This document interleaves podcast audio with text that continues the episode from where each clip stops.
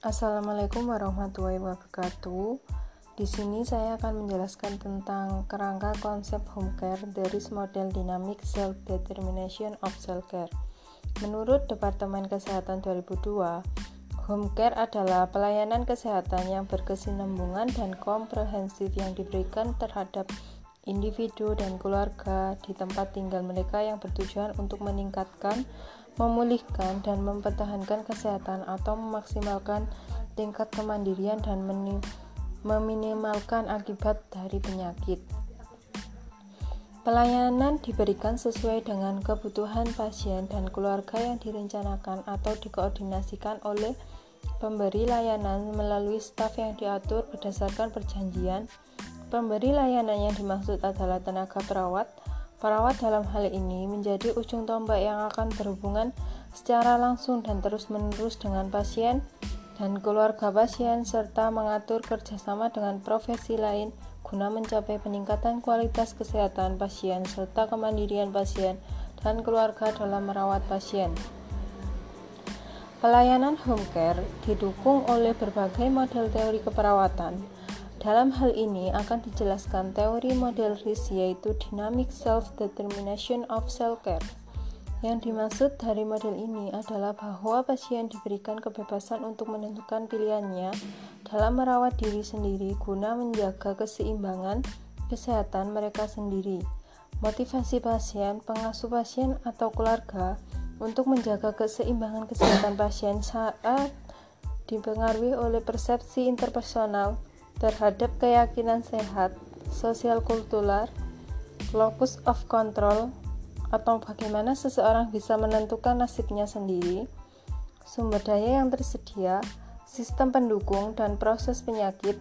Hal ini dapat dicapai melalui berbagai strategi perawatan diri guna memenuhi kebutuhan secara holistik untuk kesehatan di mana ini adalah proses yang dinamis seseorang untuk berubah mencapai kesehatan yang optimal. Kesehatan yang optimal dapat dilihat dari tingkat fungsional tertinggi seseorang yang dapat dievaluasi dari stabilitas fisik, harmoni intrapersonal, resonansi, kepuasan pasien terhadap perawatan kesehatannya, dan kualitas hidupnya. Home health care adalah sistem di mana pelayanan kesehatan dan pelayanan sosial diberikan di rumah kepada orang-orang yang cacat atau orang-orang yang harus tinggal di rumah karena kondisi kesehatannya. Menurut Neis dan MC Ewen 2001. Sedangkan menurut Habs dan Perrin 1985 dalam Lerman D. N. Eric BL 1993, home care merupakan layanan kesehatan yang dilakukan di rumah sakit sehingga home care dalam keperawatan merupakan layanan keperawatan di rumah pasien yang telah melalui sejarah yang panjang. Di beberapa negara maju, home care atau perawatan di rumah bukan merupakan konsep yang baru, tapi telah dikembangkan oleh William Rathbone sejak tahun 1859 yang dia Namakan perawatan di rumah dalam bentuk kunjungan tenaga keperawatan ke rumah untuk mengobati klien yang sakit dan tidak bersedia dirawat di rumah sakit. Dari beberapa literatur pengertian home care adalah yang pertama yaitu perawatan di rumah merupakan lanjutan asuhan keperawatan dari rumah sakit yang sudah termasuk dalam rencana pemulangan atau discharge planning dan dapat dilaksanakan oleh perawat dari rumah sakit semula oleh perawat komunitas di mana pasien berada atau tim keperawatan khusus yang menangani perawatan di rumah. Yang kedua, yaitu perawatan di rumah merupakan bagian dari asuhan keperawatan keluarga sebagai tindak lanjut dari tindakan unit rawat jalan atau puskesmas. Yang ketiga, yaitu pelayanan kesehatan berbasis di rumah, merupakan suatu komponen rentang keperawatan kesehatan yang berkesinambungan dan komprehensif diberikan kepada individu dan keluarga di tempat tinggal mereka yang bertujuan untuk meninggalkan, mempertahankan atau memulihkan kesehatan atau memaksimalkan tingkat kemandirian dan meminimalkan akibat dari penyakit termasuk penyakit terminal. Yang keempat, pelayanan yang sesuai dengan kebutuhan pasien, individu, dan keluarga direncanakan, dikoordinasikan, dan disediakan oleh pemberi pelayanan yang diorganisir untuk memberi pelayanan di rumah melalui staf atau pengaturan berdasarkan perjanjian kerja atau kontrak menurut Warola 1980 dalam pengembangan model praktik mandiri keperawatan di rumah yang disusun oleh PPNI dan Depkes. Konsep model atau teori keperawatan yang, di, yang mendukung atau yang didukung care. Yang pertama yaitu teori lingkungan atau Florence Nightingale. Lingkungan menurut Nightingale merujuk pada lingkungan fisik eksternal yang mempengaruhi proses penyembuhan dan kesehatan yang meliputi lima komponen lingkungan terpenting dalam mempertahankan kesehatan individu yang meliputi udara bersih, air yang bersih, pemeliharaan yang efisien, kebersihan, dan penerangan atau pencahayaan. Yang kedua yaitu teori konsep manusia sebagai unit atau Martha Rogers. Dalam model dan teori ini, Rogers ber asumsi bahwa manusia merupakan satu kesatuan yang utuh yang memiliki sifat dan karakter yang berbeda-beda. Dalam proses kehidupan manusia yang dinamis, manusia dalam proses kehidupan manusia setiap individu akan berbeda satu dengan yang lain dan manusia diciptakan dengan karakteristik dan keunikan tersendiri. Yang ketiga yaitu teori transkultural nursing atau Leininger Leininger percaya bahwa tujuan teori ini adalah untuk memberikan pelayanan yang berbasis pada kultur. Dia percaya bahwa perawat harus bekerja dengan prinsip care dan pemahaman yang dalam mengenai care sehingga kultur scale, nilai-nilai keyakinan dan pola hidup memberikan landasan yang reliable dan akurat untuk perencanaan dan implementasi yang efektif terhadap pelayanan pada kultur tertentu. Dia meyakini bahwa seseorang Perawat tidak dapat memisahkan cara pandangan dunia, struktur sosial, dan keyakinan kultur orang biasa dan profesional terhadap kesehatan, kesejahteraan, sakit, atau pelayanan saat bekerja dalam suatu kelompok masyarakat tertentu karena faktor-faktor ini saling berhubungan satu sama lain. Struktur sosial seperti kepercayaan, politik, ekonomi, dan kekeluargaan adalah kekuatan signifikan yang berdampak pada care dan mempengaruhi kesejahteraan dan kondisi sakit. Yang keempat yaitu Theory of Human Caring. Watson 1979 Teori ini mempertegas bahwa caring sebagai jenis hubungan dan transaksi yang diperlukan antara pemberi dan penerima asuhan untuk meningkatkan dan melindungi pasien sebagai manusia dengan demikian mempengaruhi kesanggupan pasien untuk sembuh. Pandangan teori Jane ini memahami bahwa manusia memiliki empat cabang kebutuhan manusia yang saling berhubungan, di antaranya kebutuhan dasar biofisikal yang meliputi kebutuhan makanan dan cairan, kebutuhan eliminasi, dan kebutuhan ventilasi, kebutuhan psikofisikal atau kebutuhan fungsional yang meliputi kebutuhan aktivitas dan istirahat, kebutuhan seksual, kebutuhan psikososial, kebutuhan untuk integrasi yang meliputi kebutuhan untuk berprestasi, kebutuhan organisasi dan kebutuhan intra dan interpersonal, kebutuhan untuk pengembangan yaitu kebutuhan aktualisasi diri. Yang kelima yaitu teori self care atau menurut Dorota Orem Pandangan teori OREM dalam tatanan pelayanan keperawatan ditunjukkan kepada kebutuhan individu dalam melakukan tindakan keperawatan mandiri serta mengatur dalam kebutuhannya. Dalam konsep praktik keperawatan OREM mengembangkan dua bentuk teori self-care, di antaranya yang pertama, perawatan diri sendiri atau self-care dibagi menjadi beberapa bagian. Yang pertama, self-care merupakan aktivitas dan inisiatif dari individu serta dilaksanakan oleh individu itu sendiri. Yang kedua, self-care agency merupakan suatu kemampuan individu dalam melakukan perawatan diri sendiri yang dapat dipengaruhi oleh usia, perkembangan, sosio, dan kesehatan lainnya.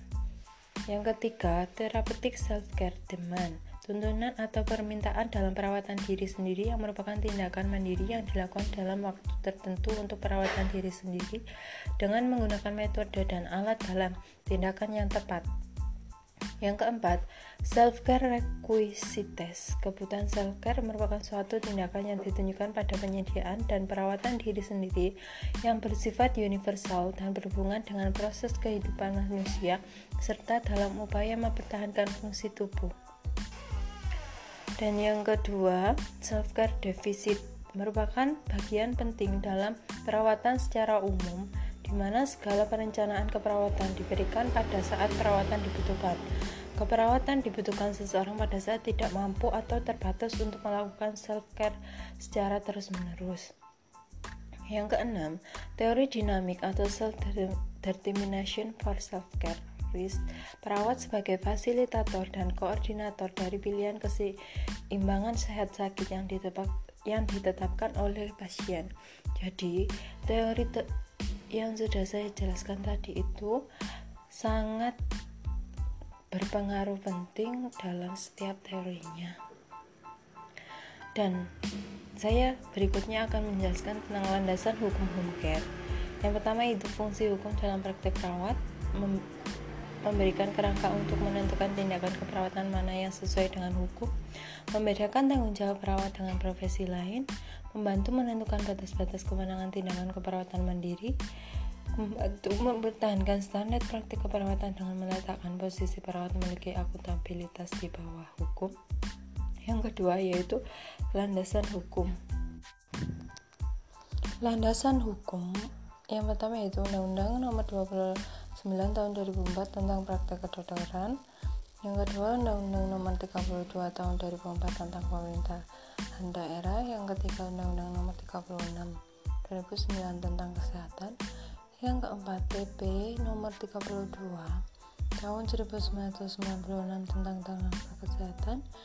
Yang kelima PP nomor 25 tahun 2000 tentang perimbangan keuangan kesehatan daerah yang keenam, PP nomor 47 tahun 2006 tentang jabatan fungsional dokter, dokter gigi apoteker, asisten apoteker, pranata, lab kesehatan, epidemiologi kesehatan, entomologi kesehatan, sanitarian, administrasi kesehatan, penyuluh kesehatan masyarakat, perawatan gigi, nutrisionis, bidan, perawat, radiografer, perekam medis, dan teknisi elektromedis.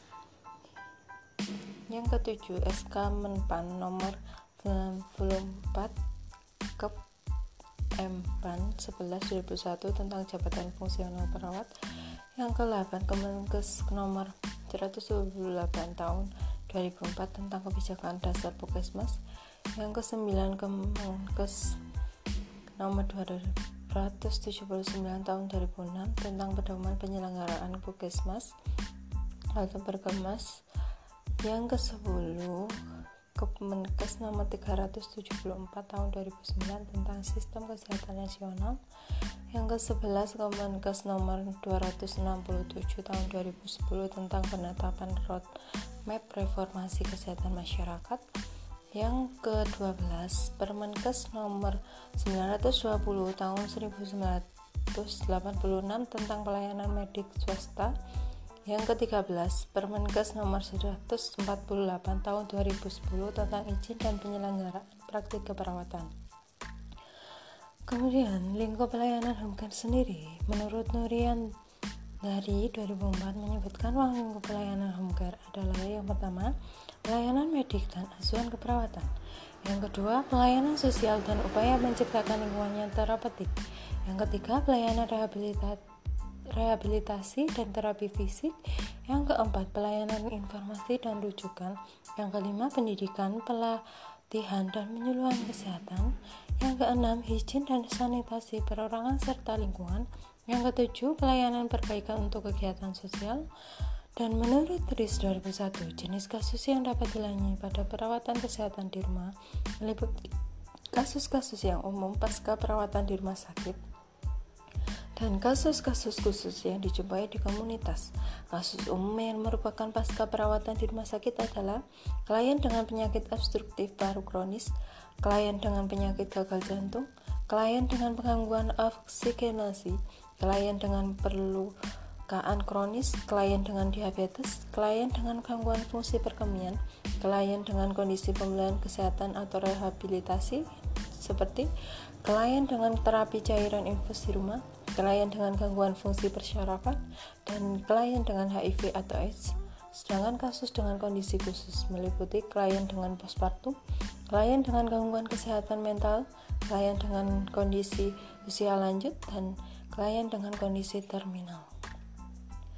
Dan skill dasar yang harus dikuasai perawat menurut SK Dirjen Yan Med nomor HK 0006513111 menyebutkan ada 23 tindakan keperawatan mandiri yang bisa dilakukan oleh perawat home care. Antara lain yang pertama vital sign, yang kedua memasang nasogastrik tube, yang ketiga memasang selang susu besar, yang keempat memasang kateter, pergantian tube pernafasan, merawat luka dekubitus, section, memasang peralatan O2, penyuntikan IV, IM, IC, SC, pemasangan infus maupun obat, pengambilan preparat, pemberian hukna atau laksatif, kebersihan diri, latihan dalam rangka rehabilitasi medis, transportasi klien untuk pelaksanaan pemisahan diagnostik, pendidikan kesehatan, konseling kasus terminal, konsultasi atau telepon,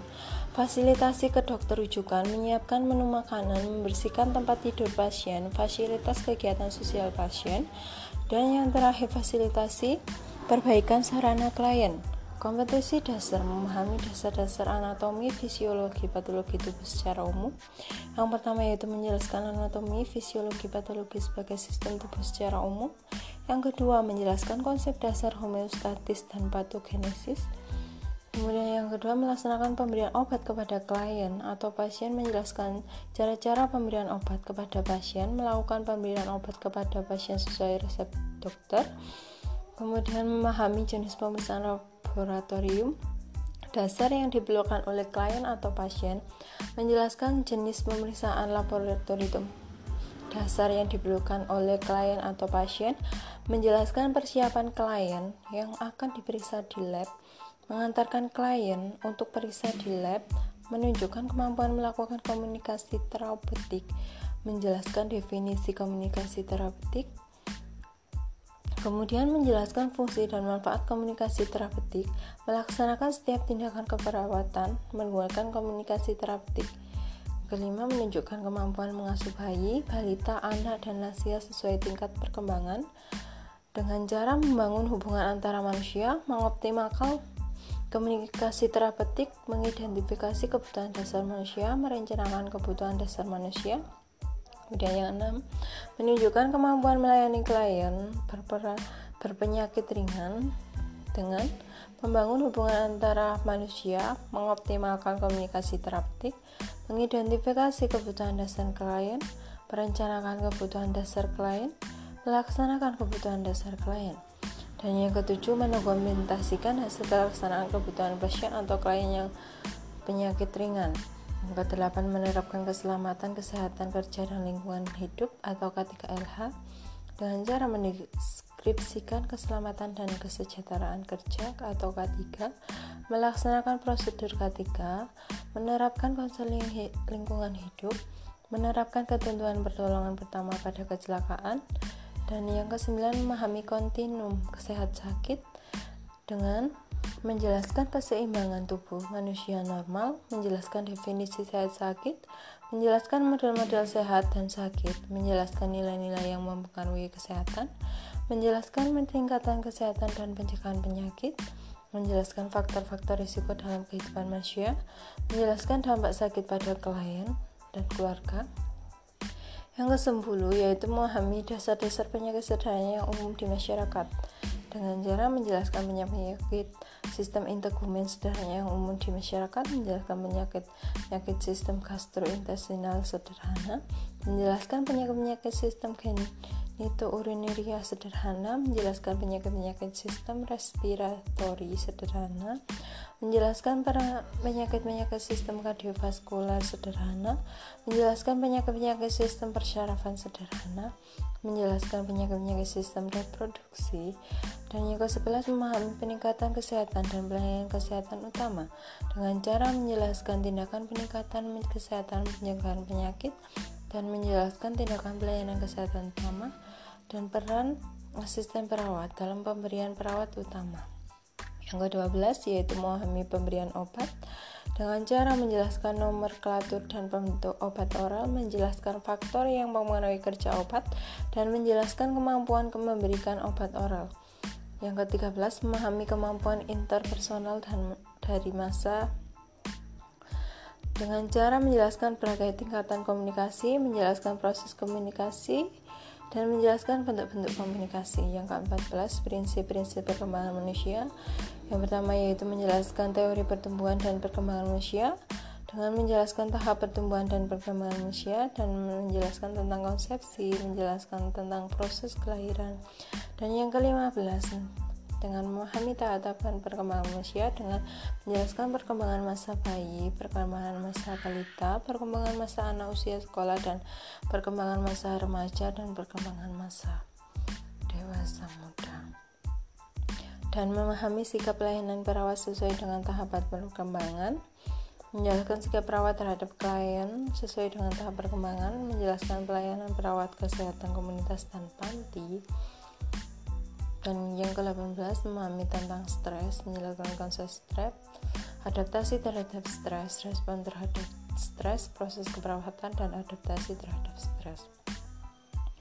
19.